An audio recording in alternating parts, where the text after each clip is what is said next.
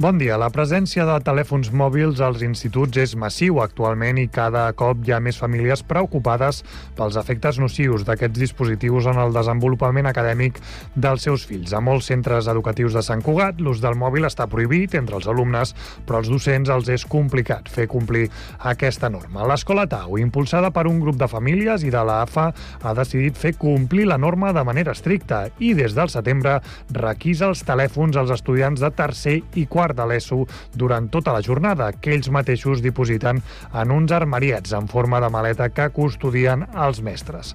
Els resultats estan sent positius, afirmen, i altres escoles concertades de la ciutat i també de fora s'han interessat per saber com ho estan fent.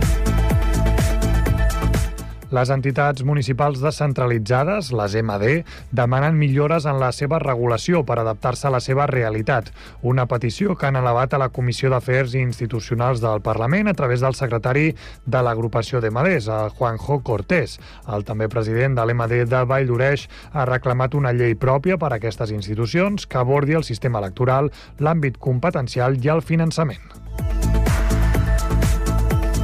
Els Mossos d'Esquadra han detingut sis persones, entre elles un santcugatenc, com a presumptes responsables de causar danys durant la invasió del camp de l'Espanyol en la celebració del Barça després de guanyar la Lliga. En un comunicat, el cos policial xifra en 32.110 euros els danys a les instal·lacions de l'RCD Stadium i a una càmera de televisió després que desenes d'aficionats del sector més radical del Club Perico saltessin al camp per evitar la celebració dels jugadors blaugrana. La comunitat jueva de Sant Cugat, la més nombrosa de Catalunya, ha convocat una manifestació per aquest divendres a la plaça de Barcelona a les 6 de la tarda. La majoria dels convocants són pares i mares que porten els seus fills a l'escola Hatikva, l'única escola jueva de Catalunya amb seu a Sant Cugat, tot i que hi ha altres famílies jueves de la ciutat que també s'hi han afegit. El lema principal de la convocatòria és Torneu-los a casa ara, per reclamar l'alliberament dels israelians segrestats per Hamas el 7 d'octubre passat. I el Consell d'Infants ha constituït aquest dijous i ha rebut l'encàrrec de reflexionar sobre el racisme i els prejudicis i diferències culturals al seu entorn. Un total de 32 alumnes de 5è i 6è de primària de 16 centres públics, concertats i privats formen el Consell d'enguany en la 14a edició d'aquesta iniciativa. Cugat Mèdia, la informació de referència a Sant Cugat.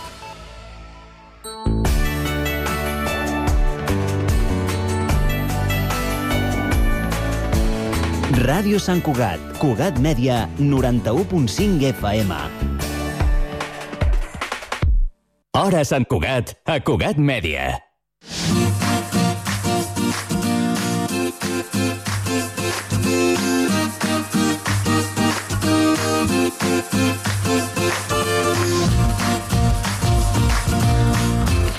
Molt bon dia. Comencem una nova experiència, un nou capítol dels instituts a Cugat Mèdia, a Ràdio Sant Cugat, i avui s'estrena un, uh, un nou institut, l'Angeleta Ferrer, amb una assignatura fantàstica que fan durant aquest curs anomenada Comunicació Crítica i Aplicada amb la Núria Còrdoba. I és genial perquè els aniran, els alumnes i les alumnes aniran venint aquí a l'estudi de Ràdio Sant Cugat a fer realitat el seu programa, l'Angeleta Parla. I si us sembla, anem a conèixer els i les locutores que avui tenim a l'estudi de Ràdio Sant Cugat.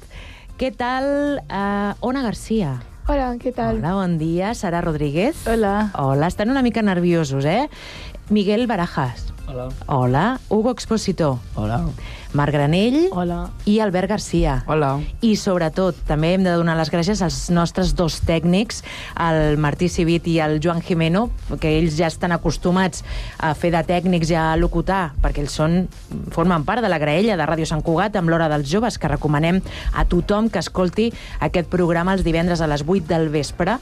Eh, sí, m'estan dient que sí des del locutori. I els dos són els responsables de realitzar aquest espai. Per tant, jo estic molt contenta. Vosaltres com esteu? Esteu nerviosos? Una Ona? miqueta, o Una sigui miqueta que- nerviosa? Abans no ho estaves. Ja, però tenir-ho aquí... Tenir de prop. aquí... No passa res, us heu preparat, no?, la, aquest espai, el programa, Miguel? Sí, sí, sí, ens hem preparat. Està, està preparat. Hem d'explicar que és un espai que s'han preparat a, a la classe i que ara faran realitat aquí a través de la ràdio de la seva ciutat, de Ràdio Sant Cugat. Doncs, si us sembla, nois, noies, ens poseu la sintonia de l'actualitat perquè ara ells ens explicaran les notícies que han preparat.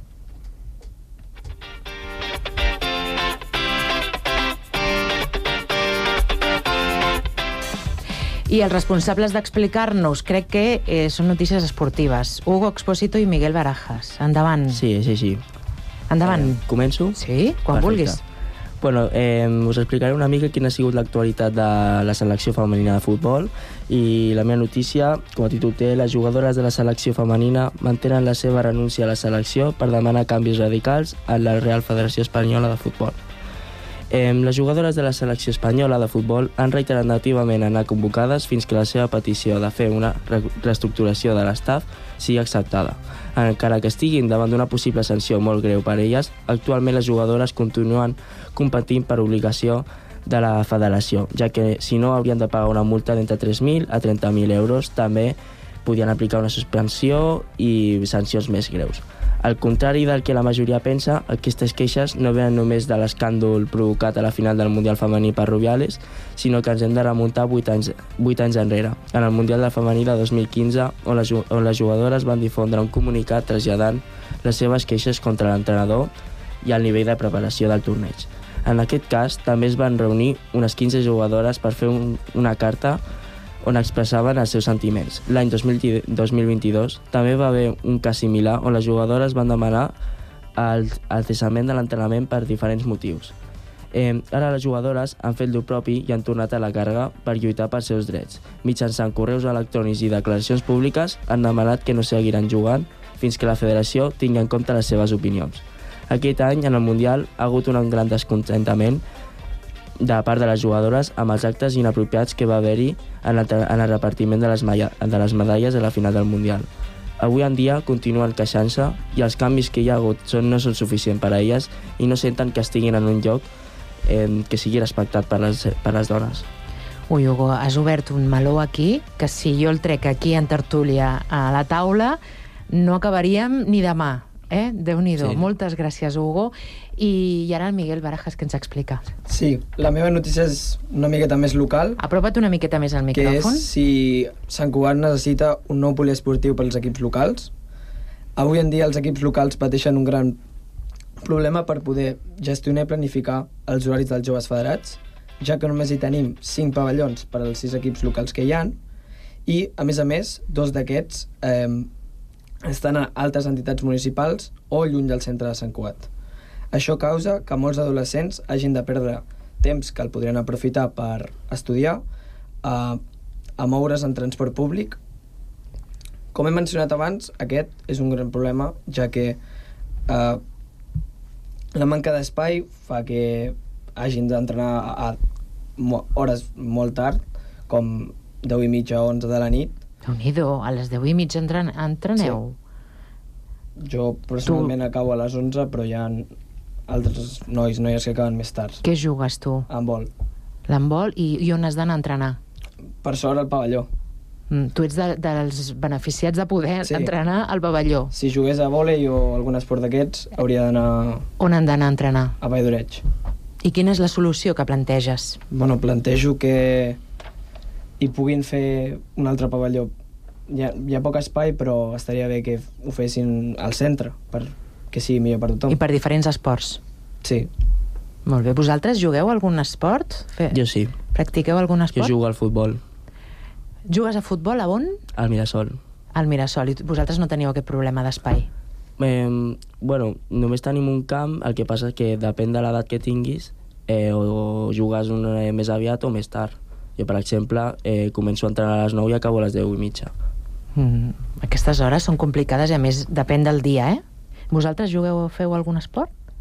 Nosaltres dues no som d'aquí, llavors. Per tant, no... Vosaltres no. No. Doncs heu acabat, nois, amb les notícies d'actualitat. Moltes gràcies. A més, hem tingut una notícia de- d'interès general i una altra d'interès local, que és el que, el que ens agrada. Continuem amb una secció fantàstica que es diu M'agrada i no m'agrada.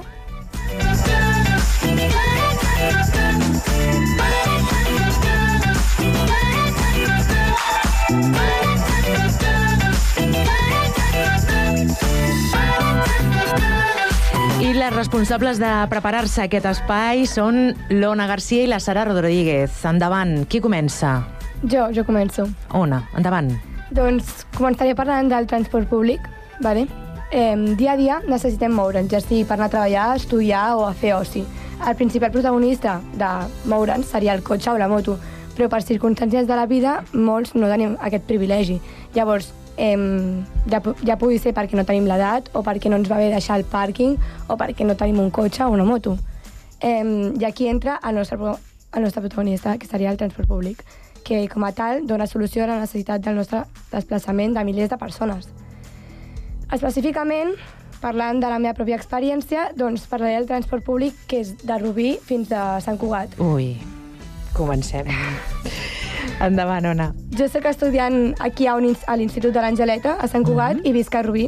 I el trajecte en autobús de Rubí a Sant Cugat són 6 parades, 12 minuts aproximadament, quan són unes condicions normals i estables. Però és vergonyós estar patint i mm, per si podràs entrar o no al bus perquè està ple. Si vindrà l'hora o vindrà 20 minuts tard. A les 7 i mitja del matí és una hora punta on molts joves van a estudiar i molts adults van a treballar.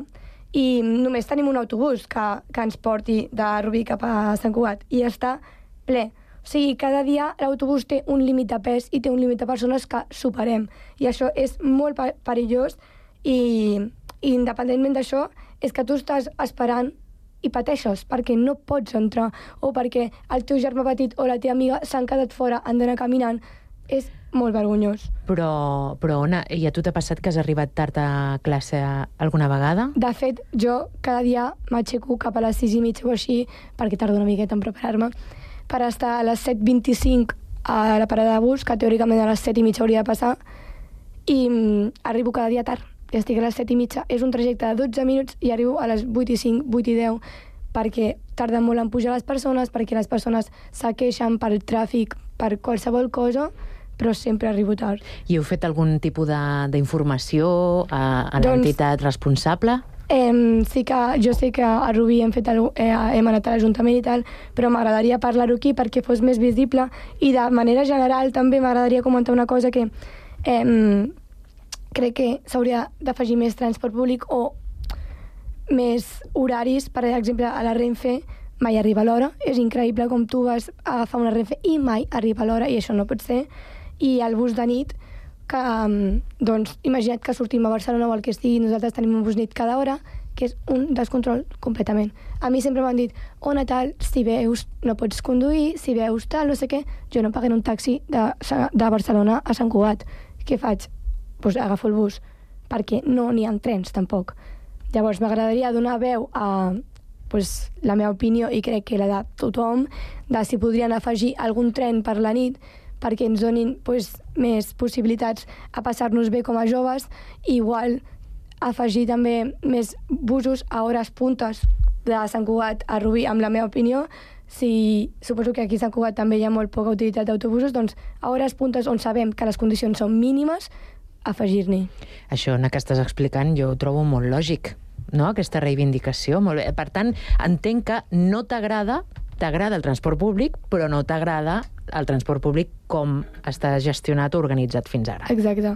Molt bé. Vosaltres patiu el transport públic? Tenen alguna xarxa... No tant com l'Ona, però sí, en un cert grau sí. Això de tornar a les nits al bus nit sí, i... El... sí. Mm. Trobeu a faltar que... Què, que, que va molt ple el, el bus de nit o, o que no passa a les hores que indica? Que, quin és el problema? que ni arriba. No passa. O sigui, jo... eh, Hi ha vegades que estic a les 4 del matí esperant-lo i no arriba mai. No arriba. No, no arriba. O sigui, ja pots estar fins les 7 del matí que el bus no ha arribat. que a les festes de la Mercè també, quan vam anar-hi, per tornar amb bus era un caos.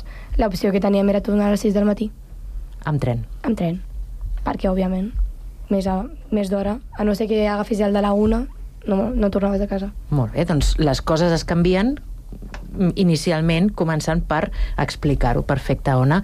Ara posem el punt positiu, no? Entenc? Sara, qui, qui explica alguna cosa que li agrada? No? No m'agrada? També no m'agrada? Bueno, jo parlo sobre els uniformes a les escoles. Ah, vale, endavant. T'agrada o no t'agrada? Bueno, hi ha dels dos. Ah, vale. Vale.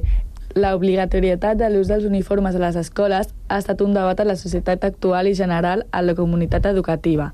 I a continuació us mostraré els beneficis i els inconvenients d'aquesta pràctica. Eh, els beneficis de l'ús de l'obligatorietat de l'uniforme eh, eh, els fonaments de la igualtat i la inclusió, que l'uniforme fomenta que no hi hagin diferències en referència a la roba i que no es pugui discriminar pel simple fet de portar roba eh, d'un cert preu. En resum, podem dir que reduir la discriminació i crear un ambient més inclusiu. També eh, el sentit de pertinença i unitat. L'ús de l'uniforme pot generar un sentit de pertinença a la comunitat escolar. Al vestir de tots de la mateixa manera es crea un ambient on els estudiants ens sentim part d'un grup i es fomenta el companyerisme i la col·laboració. Eh, a més a més, la reducció de distraccions i posicions socials. A l'eliminar la pressió de tenir que escollir la roba de portar cada dia, i a causa d'això els estudiants es centren més en els estudis perquè no t'has despertar abans per escollir la, la roba. Em, No, no et passa com l'Ona, eh, que s'ha de llevar abans com per preparar-se. Així ja tindries... Clar. No, no t'hauries de preocupar. Clar, perquè ja tens la mateixa roba cada dia, doncs no t'has de preocupar. Després, la seguretat i el reconeixement. L'uniforme facilita la tasca de poder identificar els estudiants que formen part del centre i que no. És a dir, ajuda a controlar l'accés aliè de les persones a l'escola. Eh, I ara parlaré sobre els inconvenients. La restricció de l'expressió individual.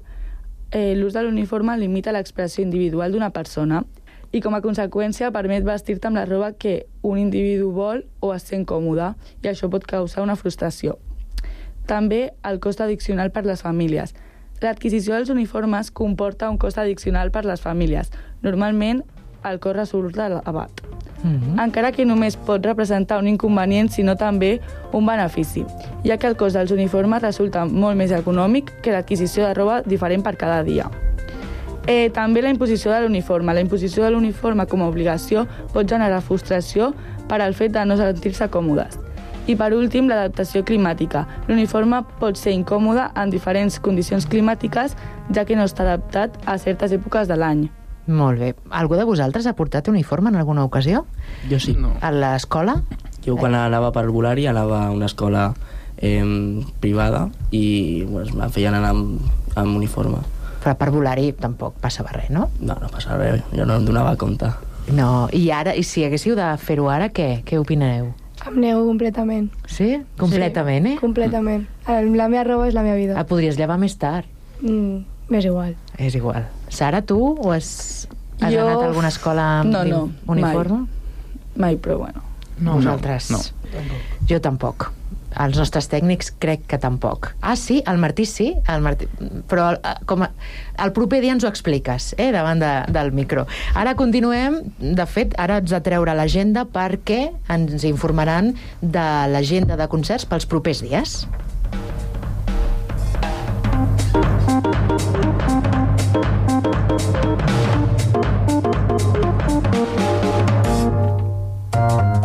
I els encarregats d'apropar-nos, de fer-nos apuntar a aquests concerts són la Mar Granell i l'Albert Garcia. Sí. Endavant. Doncs s'ha acabat l'estiu, però no s'han acabat les ganes de passar-s'ho bé. Ai, no? Així que hem creat aquesta secció per recollir els concerts més importants de la temporada. Començarem al novembre amb la icònica Madonna, que oferirà dos concerts el dia 1 i 2 de novembre al Palau Sant Jordi. Aquesta em vaig quedar jo amb les ganes, eh? Sí, amb jo la també. Madonna. Per un públic més jove, Jay Wheeler es presentarà al Palau Sant Jordi el dia 9 de novembre i l'endemà Reelsby també oferirà un concert al Palau. Pels més fanàtics de la música catalana, els catarres ompliran la sala Polo els dies 22, 23, 24 i 25 de- d'aquest mes. Aquest últim dia també es podrà gaudir de 31 fam al Sant Jordi Club. Molt bé. Mar. I desembre comença amb Morat, amb T, el 7 de desembre al Palau Sant Jordi i Melendi actuarà al mateix recinte els dies 22 i 23. En aquest mes també hi ha molts concerts d'artistes catalans, com Julieta, que actuarà el dia 14 a la Sala Polo. Finalment, per més folclòrics, Isabel Pantoja oferirà un concert el 30 de desembre al Palau Sant Jordi. 30 de desembre al Palau... i omplirà el Palau Sant Jordi, segur. Sí. Endavant. I començarem el 2024 fort pels joves, amb un concert de Morat, ara amb D. El 20 de gener al Sant Jordi Club i un de Kid Keo amb el 26 al mateix recinte. El dia 20 també Joan Dausà oferirà un concert al Palau Sant Jordi. El mes finalitzarà amb un concert de la cantant italiana Laura Pausini el dia 29. Molt bé. Escolteu, teniu ganes d'anar a veure algun d'aquests concerts? O teniu entrades? Jo 31 fam, ja la tinc comprada. Ja la tens, eh? Sí. Isabel Pantoja cap, eh, Sara? Jo al Melendi. Al Melendi també Sí. tens les entrades? Sí. Molt bé, vosaltres? No, no. Vosaltres? Jo volia anar a veure la Madonna, però no... Sí, igual que jo. Jo em vaig quedar amb les ganes, no vaig, Sí. no vaig aconseguir entrades, tot i que ho vaig intentar, eh? Però... Safareig musical. Què és això, aquesta secció que m'encanta? Bueno, doncs, ara nosaltres dos, de nou, en honor que Olivia Rodrigo ha llançat el seu segon àlbum titulat Guts i que fa una gira que passarà pel juny l'any que ve i per la qual tenim entrada aquesta vegada. Ah, sí? Molt bé. Parlarem una mica de la seva vida i d'algunes polèmiques que l'han mantingut al focus d'atenció durant aquests Ai, últims anys. Endavant. Endavant. Olivia Rodrigo va donar-se a conèixer com a actriu a la sèrie de Disney High School Musical, la sèrie, a l'any 2019, que ja va compartir el paper protagonista amb Joshua Bassett, que era la seva parella en la ficció. I aquesta història d'amor va captivar fans i mitjans de comunicació per igual, fins que la seva química a la pantalla es va traduir a una relació a la vida real. Mm, això ja ha passat en, en algunes ocasions amb High School, mm. no? Sí. Tot i això, la seva relació va estar marcada per formar part d'un triangle amorós Oh! entre la parella i Sabrina Carpenter, que és una altra actriu de Disney. Per aquest mateix motiu, l'Olivia i el Joshua van deixar la seva relació l'any 2020. I arrel d'aquest conflicte i aquesta ruptura, l'any 2021, l'Olivia llança el seu single debut, Driver's License. Aquesta cançó parla principalment de la seva relació amb Joshua i es fa referència a una tercera persona, que és Sabrina Carpenter. I ens parla d'una noia rosa que era més gran que ella i que tenia tot el que ella la feia sentir insegura. La Sabrina. La Sabrina. Ai. I la cançó anava clarament en contra d'ella. I això no és pas nou, però hem vist a moltíssims artistes fer cançons contra altres persones. L'exemple més recent és la cançó de Shakira amb Bizarrap, Mm -hmm. Que va dirigida a Gerard Piqué i la seva actual parella, Clara Chia. I tornant al tema d'Olivia i la Sabrina, no, tornant al tema de l'Olivia, la Sabrina va escriure una cançó com a resposta titulada My Skin, en què contestava els versos de Driver's License. És aquesta la cançó? No, aquesta No. és una cançó del seu nou àlbum. Doncs ens vole... Variety voleu que ens acomiadem? Heu acabat? No. D'explicar-nos safareig? Doncs endavant, no. endavant. Llavors, uns mesos després, l'Olivia llança el seu àlbum de debut Sour, on el tema principal són els problemes de l'adolescència, com l'amor adolescent. Té una perspectiva molt infantil en comparació al seu segon àlbum, que és el que ha tret fa poc, que aborda els mateixos problemes des d'una perspectiva més adulta i madura. Tal com a Sour mostrava, mostrava la ràbia contra Joshua Bassett tal com és, a Gats pren un sentit més reflexiu i ens deixa veure com, en només dos anys, ha canviat completament de perspectiva.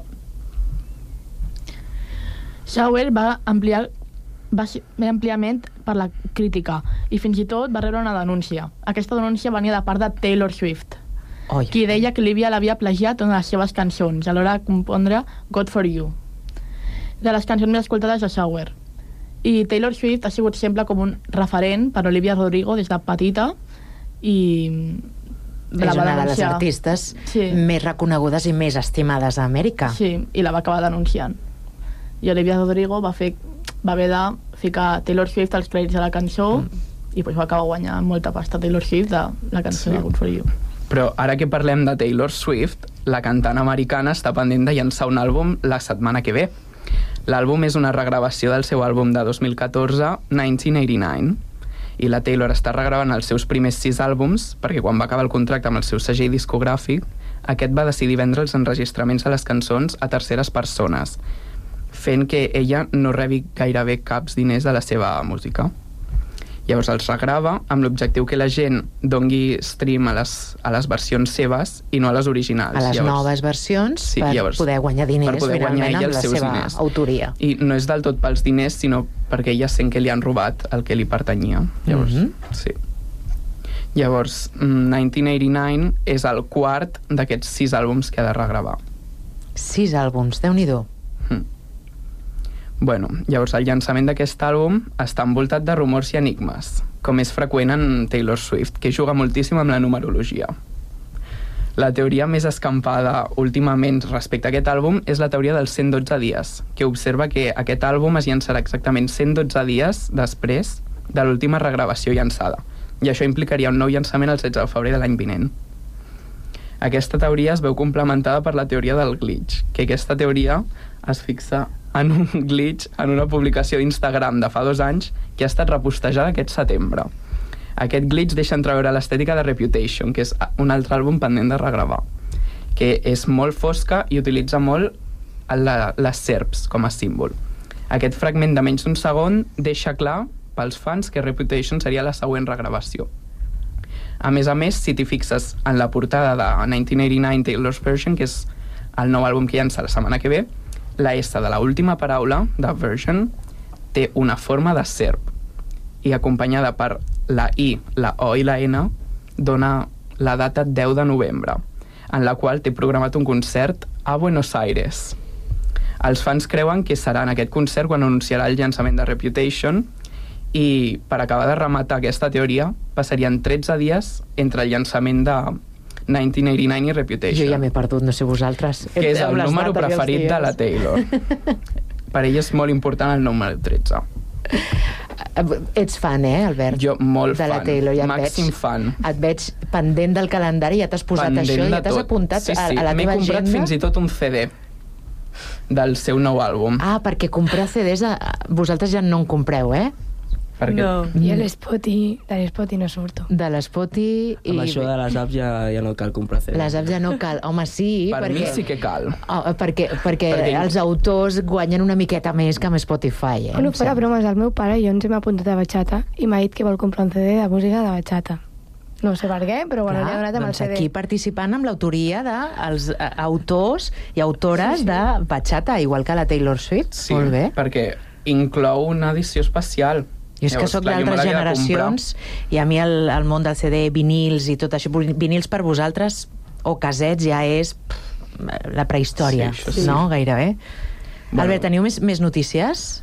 Bueno, hem d'acabar. Ai, hem acaba, d'acabar acaba, encara. Albert. Doncs per Endavant. una altra banda, la Taylor ha introduït amb aquestes regravacions el concepte de la caixa forta, que conté cançons inèdites de les sessions d'enregistrament de l'àlbum original, és a dir, les de 2014, que mai van sortir a la llum i les llançarà amb, amb la regravació, que llançarà cinc cançons noves, de les quals es coneix el nom gràcies a una col·laboració amb Google, amb l'empresa. Google va posar a l'abast de la població un total de 89 trencaclosques, la numerologia, que és molt important per ella, que els fans podien resoldre. I tu vas fer? I tant. La premissa era que si s'arribaven als 33 milions de trencaclosques resolts en total en tot el món, es revelarien els títols de les cançons inèdites. I en menys de 24 hores, òbviament, es va superar l'objectiu. Els Swifties estem esperant els tresors amagats. I us encanta que jugui amb vosaltres, jugui. Sí, sí que sí, perquè que ens jugui... encanta resoldre els enigmes que ens planteja. que ell us planteja. Sí, sí. Marc, tens més notícies, més cosetes a explicar? Bueno, finalment, com ja hem mencionat, eh, la Taylor es troba actualment en gira. I tot i que fins al novembre no hi ha cap concert programat, aquesta gira passarà per Espanya, concretament per Madrid, i les entrades van esgotar-se el mateix dia que van sortir, al moment. I ara es revenen per més de 6.000 euros. Mm, les de Madrid? entrada. Tu vas aconseguir entrada? Però no a Madrid, a Viena. ¿Y por cuánto? A Viena. Per I, 5.000 tant- euros no, Per però- tant, hauràs d'anar. Sí, però jo, Hauràs jo vaig amb gust. Sí, clar. I tant. Escolta, i les podries revendre? Sí, Podries fer però... un negoci? Bueno, clar, però no, no, no el vull fer, vull Sí, perquè la. Taylor Swift no, no ve gaire a Europa, no? No, no? A Barcelona ha vingut en directe en alguna ocasió? no, va venir només un Té cop a pendent. Madrid i no ha tornat perquè va anar a l'Hormiguero i es va espantar. em sembla. Això, el- els fans d'aquí li hauríeu de dir que aquí a Barcelona som diferents, que Ja. poden anar a altres programes, com Ja. per exemple aquest programa. Però és que si de carta de presentació li posen el Pablo Motos, Ja, què ens esperem? quin, quin problema. Doncs, mm, nois, noies, eh, crec que teniu alguna cançó per posar, no? Sí, Sí. New Romantics, de New Taylor Romantics, Swift. aquí la tenim. Em sembla que el Martí i el Joan la tenen preparada i la comencem a sentir. Escolteu, Ona, Sara, Hugo, Miguel, és que no vull deixar ningú, Mar, Albert, moltes gràcies per venir a Ràdio Sant Cugat, per preparar aquest espai eh, en el marc de la, la Comunicació Crítica i Aplicada de l'Angeleta Ferrer. Us espero els propers mesos, perquè anireu venint, diferents companys i companyes d'aquesta assignatura, anireu venint aquí a Ràdio Sant Cugat per donar forma a l'Angeleta Parla i ens quedem amb la Taylor Swift, Albert? Sí, Doncs moltes gràcies i fins la propera. Aquesta cançó A estarà al tu, seu a nou tu, àlbum. Ah, per cert, i saludem també els nostres tècnics, supertècnics, Ei, molt bé, merci. Martí i Joan. Fins la Ei. propera.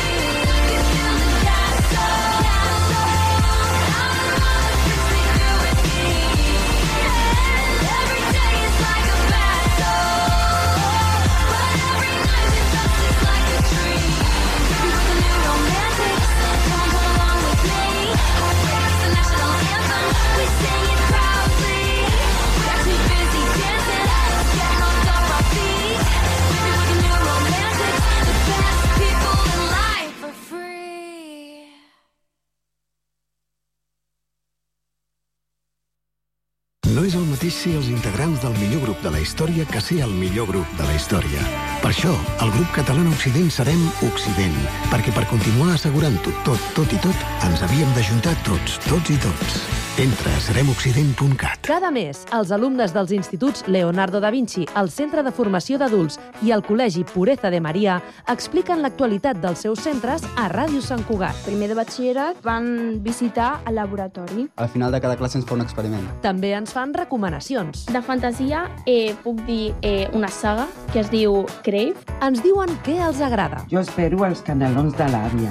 A mi m'agraden molt els animals. A mi m'encanta cuinar. I ens posen al dia amb la música que escolten. El Nadal més tropical de Gertrudis. Jo he escollit eh, La gent t'estimo, que és de Oques Grasses. No My Responsibility, de Billie Eilish.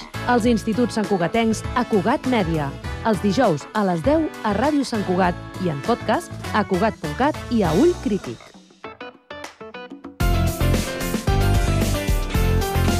Ràdio Sant Cugat. Cugat Mèdia. Hora Sant Cugat, a Ràdio Sant Cugat.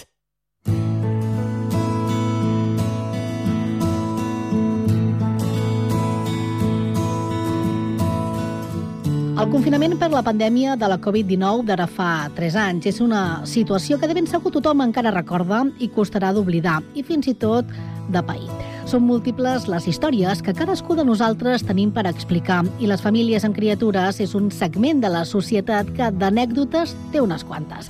I és que si conciliar ja és difícil, amb una pandèmia pel mig i amb les criatures tancades a casa encara ho és més.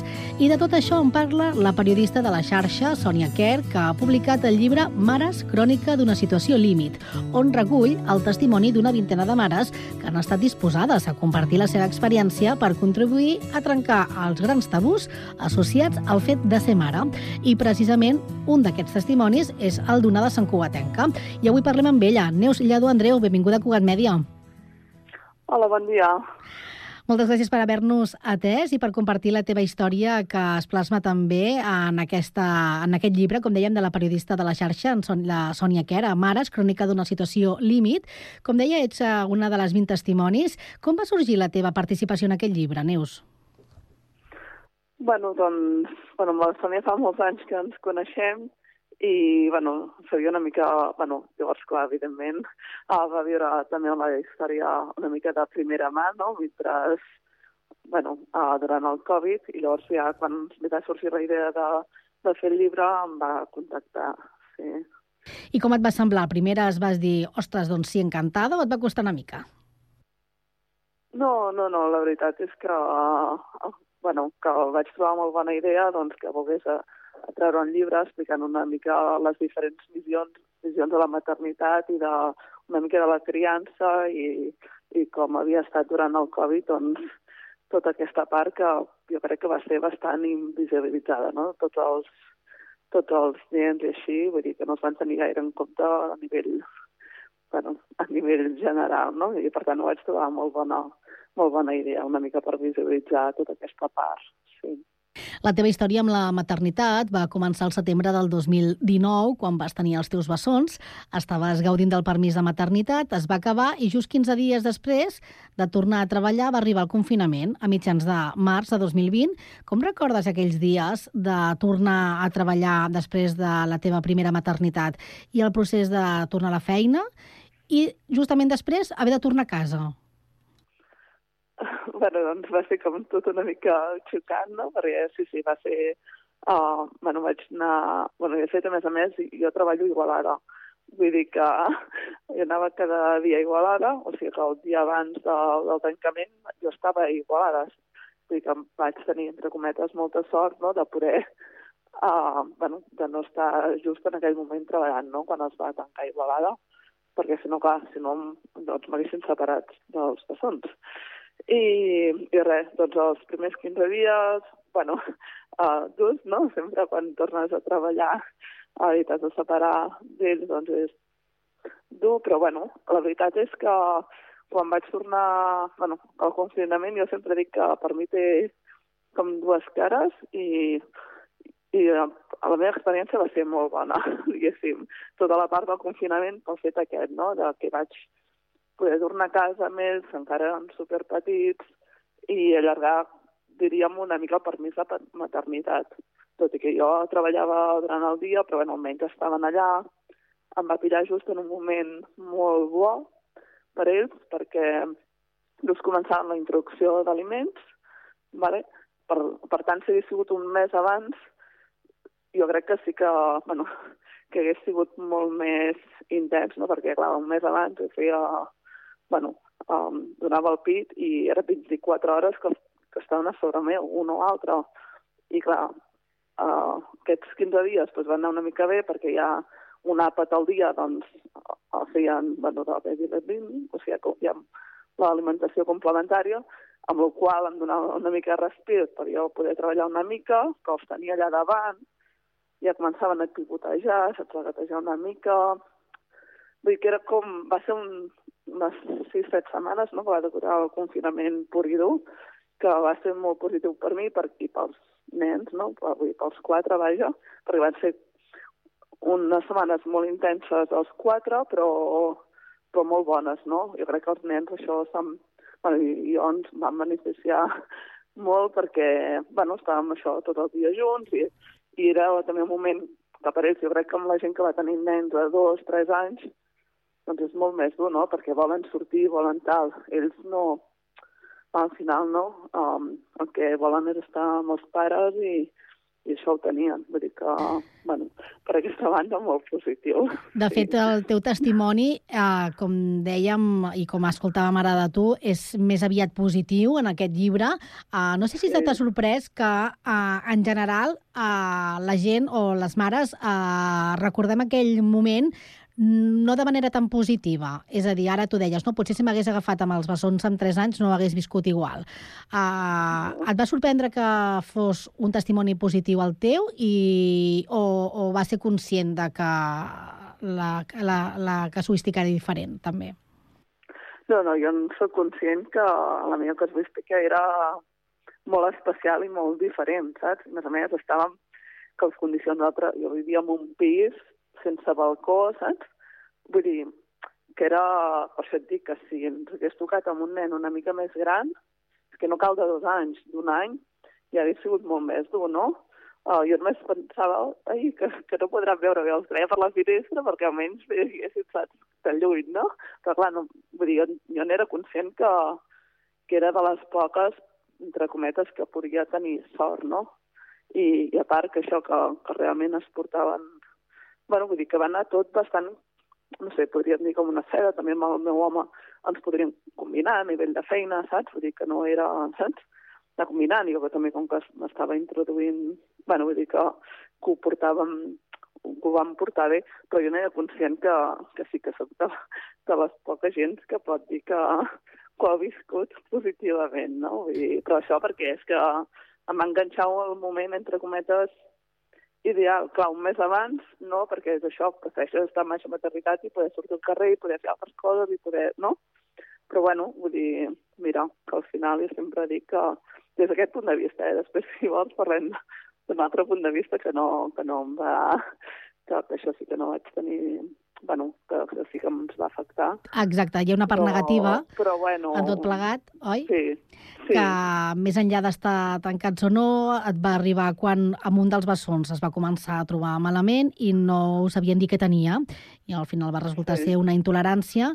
Suposo que la conjuntura d'emergència sanitària no va ajudar a pal·liar de manera ràpida i eficaç la situació del teu fill, no? Com, com recordes una mica aquesta gestió sanitària tota volcada amb la Covid i deixant una mica a banda tota la resta de problemes que també ho són? Sí, bueno, sí, clar, um, era bastant complicat perquè, un, que et feia por, no? T'havien creat una mica aquesta por d'anar al CAP o d'anar a l'hospital, no? I, i, tar, i tar, vull dir, no hi anaves, vull dir, el teu fill es trobava malament i et quedaves a casa, saps? Vull dir, um, intentaves el que fos, doncs, per no anar-hi. O sigui, evitaves molt anar... I jo me'n recordo a les nits plorant moltíssim els nens i que no saps el que li passa, vull dir, amb les intoleràncies, bé, no són com les al·lèrgies que són superclares, sinó que simplement no ho saps. I, i després parlant amb altres mares veus que, que molts cops, saps, en, en mig, en un mes ja ho tenen detectat, saps, a, els metges, però clar, el fet de no poder anar a que els visitessin, o no voler, eh, per dir alguna cosa, però bueno, una mica tu, tu crea la, no, el, ens ho creaven a tots, no?, que deien, cuidado el cap, llavors nosaltres érem plan, bueno, que Clar, una por tan conscient, pitjor, no? Agafar, agafar el Covid o quedar-nos a casa i mira, i anar passant com puguem, no? I, i triàvem l'altre, perquè no era... Clar, a veure, si, si es fan un tall o així, vull dir, no hi ha... Bueno, has d'anar a l'hospital sí o sí, no? Però si el nen es, estava plorant molt i així té molt malestar, bueno, vas, no, nosaltres anàvem com aguantant, saps? I sí que truques, però era quasi impossible, costava molt que t'agafessin una trucada, costava molt demanar hora. Després també a, a Sant Cugat, que això a altres llocs no va ser així, però a Sant Cugat sí, es va decidir que, no, que els metges tenien, uns eren Covid i els altres no er- eren no Covid. Durant molt temps, és que això no et dic de, això, durant la pandèmia, aquestes 6-7 setmanes que vam estar confinats, sinó això durant bastants mesos va ser així, que tu anaves al metge i no sabies qui, qui et tocaria. No, no tenies un pediatre de referència, o sigui, el tenies, però ell no, no et podia anar fent el seguiment, sí. Tot i que he de dir que el nostre pediatre en concret, que es va portar mo molt bé, eh? Estem supercontents d'ell, eh? Que, que vull dir que ell intentava fer-nos una mica aquest seguiment, saps? Encara que fos, però, però en teoria, o sigui, des de salut, no? Era, tocava el que tocava, saps? I, i, i això, saps? I, i costava molt fer seguiments, llavors coses una mica que ells troben, no? Al llarg de si vas dos o tres cops al metge, doncs que et poden anar, saps? Que et van observant i diu, ah, mira, potser és això. Que és molt més fàcil detectar-ho que, que el seguiment al mateix pediatre. Clar. Vull dir, això sí que crec que, que ho haguessin pogut fer millor des de, des de salut. A més a més, quan jo sé que a altres ciutats sí que es feia aquest seguiment, que el feia el mateix pediatre, vull dir que cadascú tenia un pediatre assignat i anava fent el, el seguiment al mateix pediatre. Això sí que em feia ràbia, sí. I un, cop, I un cop us van desconfinar i vas haver de tornar a treballar fora de casa, eh, com et vas sentir? És a dir, perquè tu aquell, aquell pas ja l'havies fet tot just i havies haver de tornar i estaves gaudint eh, d'una altra manera aquella part de maternitat que t'havien com donat una, una altra oportunitat no? de, de poder allargar-ho més. Uh, L'experiència de tornar a haver de sortir i llavors deixar de nou els bessons, que no sé si ho vas deixar amb la teva parella o ja vas haver de... Però no hi havia escoles bressols, ni tampoc... Sí. Jo ho vaig portar molt pitjor la segona vegada que la primera. La primera vegada he de dir que fins a un, fins a un punt també necessitava respirar una mica per dir alguna cosa, saps? Perquè Mm. la segona vegada ho vaig portar super malament. Um, uh, ho vaig portar molt, molt malament, sí. Però bueno, però bueno, al final tothom... Però sí, sí, no, ho vaig portar molt malament i la conciliació... Bueno, vull dir, va, em va, bueno, em va, costar, em va costar molt. Però bueno, també tinc una feina que m'agrada molt, i, llavors costa, bueno, costa molt, no? Sempre trobar el balanç i trobar, saps? Sí. Però bueno, Sí, de ah, fet, sí. eh, abans eh, ja has dit no, que treballes a Igualada, no m'ha explicat que tens una empresa de globus aerostàtics i que ets enginyera aeronàutica, precisament a l'empresa familiar que es diu Ultramàgic Sí. Balloons. Com està sent la teva experiència per conciliar dues etapes tan importants, la, eh, la d'estar al capdavant no? també amb la família portant una empresa i, i, i alhora també amb la teva parella portar una família així de manera primerenca, tot i que ara ja fa quatre anys que vau tenir les criatures. No sé si creus que la societat i les empreses estan preparades perquè els progenitors, independentment del gènere, eh, puguin créixer laboralment i alhora puguin criar els seus fills. Aquesta conciliació que sempre es parla. És real? Bueno, és complicat, però és complicat. Però, bueno, clar, jo sí que, bueno, portar l'empresa i així, vulguis o no, doncs, eh, puc tenir alguna, bueno, tinc alguna flexibilitat, però, bueno, també obligacions alhora, no? Però, però bueno, jo sempre dic que a mi me la meva feina m'encanta, no? I m'encanta estar amb els meus fills. I llavors, si hi ha una persona que una de les dues coses, saps? No, no, no, no és tan... Bueno, vull dir, si hi ha gent que va a la feina i la feina una mica hi va per passar les hores, que també n'hi ha d'aquesta gent, no?, que una mica la feina que, que és més per tenir, no?, un sol final de mes, però no allò és que li encanti. Uh -huh. Llavors, clar, aquesta gent, jo, jo penso que sempre és més fàcil, no?, perquè, perquè mira, no?, vull dir, que no, no t'importa, no?, no està, no donar tant, no?, potser, però clar, a mi m'agrada molt la meva feina, amb la qual jo, jo quan estic a la feina dono el 100%, i quan estic a casa també dono el 100%, no? I llavors, clar, un mateix al final potser és el que s'acaba oblidant i, i llavors és el que potser ho acabes vull que sempre et poses com al final no, de la llista, no? Això passa molt quan Ah, et sí. converteixes en mare, no? No sé si tu has vist que tu t'ho deien però no t'ho veies i ara que ho vius... Sí, sí, sí, no, a molta gent li passa això, no? que, que sempre es posa al final de la llista i, bueno, una mica, bueno, s'ha de trobar una mica, jo penso, el balanç de, el balanç de tot plegat, no? Ni, ni de perdre, vull dir que no vull perdre res dels meus fills i també és una època ara, bueno, super important, no? Que com més anys es vagin fent, més independents aniran fent, no? Però penso que també el fet de tenir una feina que m'agrada, jo penso que també és una sort, perquè, com et deia abans, no? Dic que a vegades penso, no, la gent que no li ha la feina, pues, pues mira, també es pot relaxar una mica amb la feina, però jo tinc alguna amiga que no li agrada la seva feina i ella em diu el contrari, diu, que per mi, diu, quina sort tens tu, no?, que t'agrada la feina i diu, perquè per elles no, no hi ha ni pi- saps? Vull dir, que, que, que, que la veritat és que és, jo crec que és això, és la qüestió, és trobar un balanç professional, personal i familiar, saps? Que sigui, bueno, que estiguis molt bé entre els tres àmbits i després, mira, anar fent al final cadascú va fent com, com pot, Com no? pot. Malabar, A més, a més i no... aprofitar, jo penso, on, cada, cada moment, o sigui, jo el que intento és, si estic a la feina, o sigui, no està pensant, ai, no sé què, els nens, no, els nens estan molt bé ara a l'escola, saps?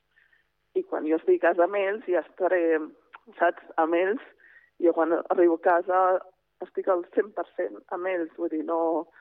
Bueno, no sé si m'entens què et vull dir. Sí, que no Vull dir estàs connectada amb una altra banda. Cada vegada que et Exacte. connectes, estàs connectat amb lloc que estàs connectat i no estàs uh, uh, Sí. en un lloc però amb la ment en un altre.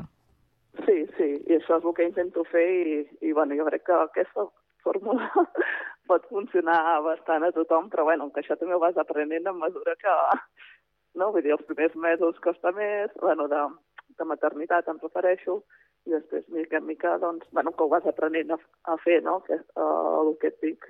I tant. Jo penso que la gent que aconsegueix això, llavors pots tenir un balanç bastant equilibrat, no? No sé si has pogut llegir tot el llibre i els altres testimonis del llibre de la Sònia Kerr mm, i, i com valores com d'important creus que és per a les dones i en aquest cas concret per a les mares poder conèixer altres vivències?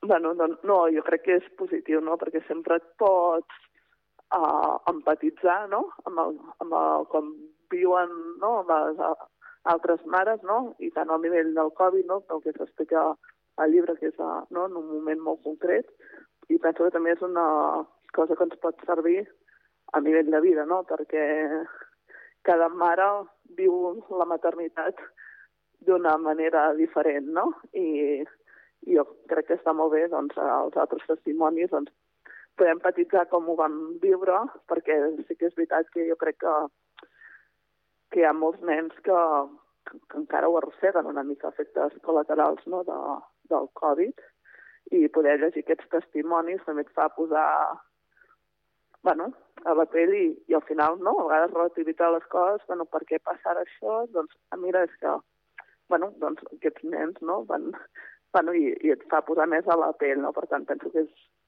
que llegir altres testimonis que va molt bé i sobretot, no?, a nivell de, de societat, no? Sí. Mm -hmm. Creus que la maternitat està sovint o massa idealitzada o massa demonitzada?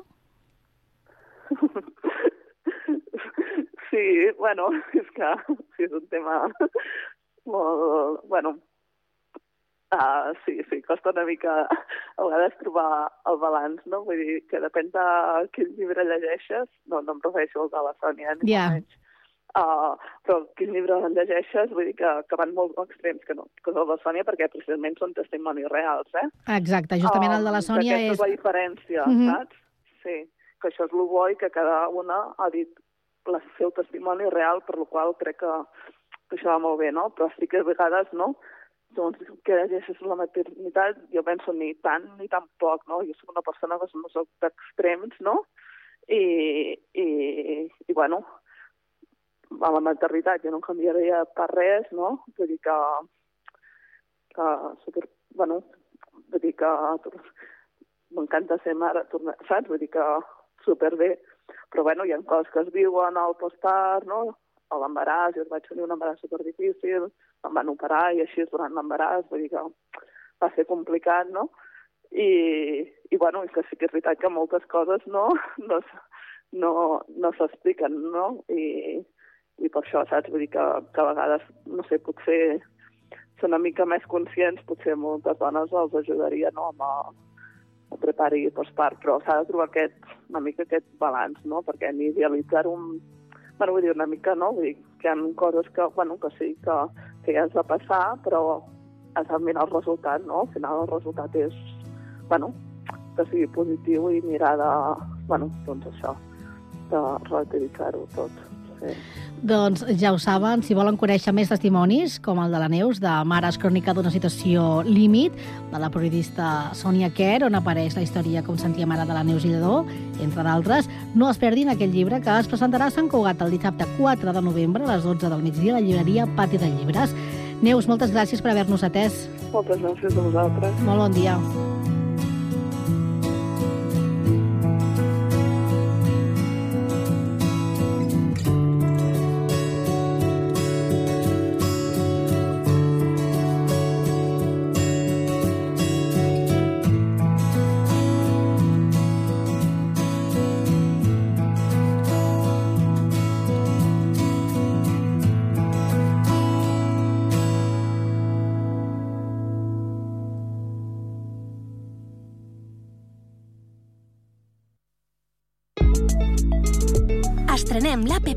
l'APP del Picalletres. Paraules i jocs lingüístics per a tothom. Descarregueu-vos l'APP a Google Play o a l'App Store i comenceu a jugar. Hem sortit al carrer per preguntar als nostres escoltants què els hi semblava la llanterna màgica i això és el que ens han dit. Pues la cosa es así. Verá, es impresionante. Me encanta, me encanta. Mola. Me gusta cómo suena. ¡Qué bonito! Si us agrada el cine i les bandes sonores, vosaltres també podeu formar part dels escoltants de la llanterna màgica. Tots els dijous, a les 10 del vespre, La Llanterna Màgica a Ràdio Sant Cugat. Ràdio Sant Cugat. 91.5 FM. Hora Sant Cugat, a Ràdio Sant Cugat.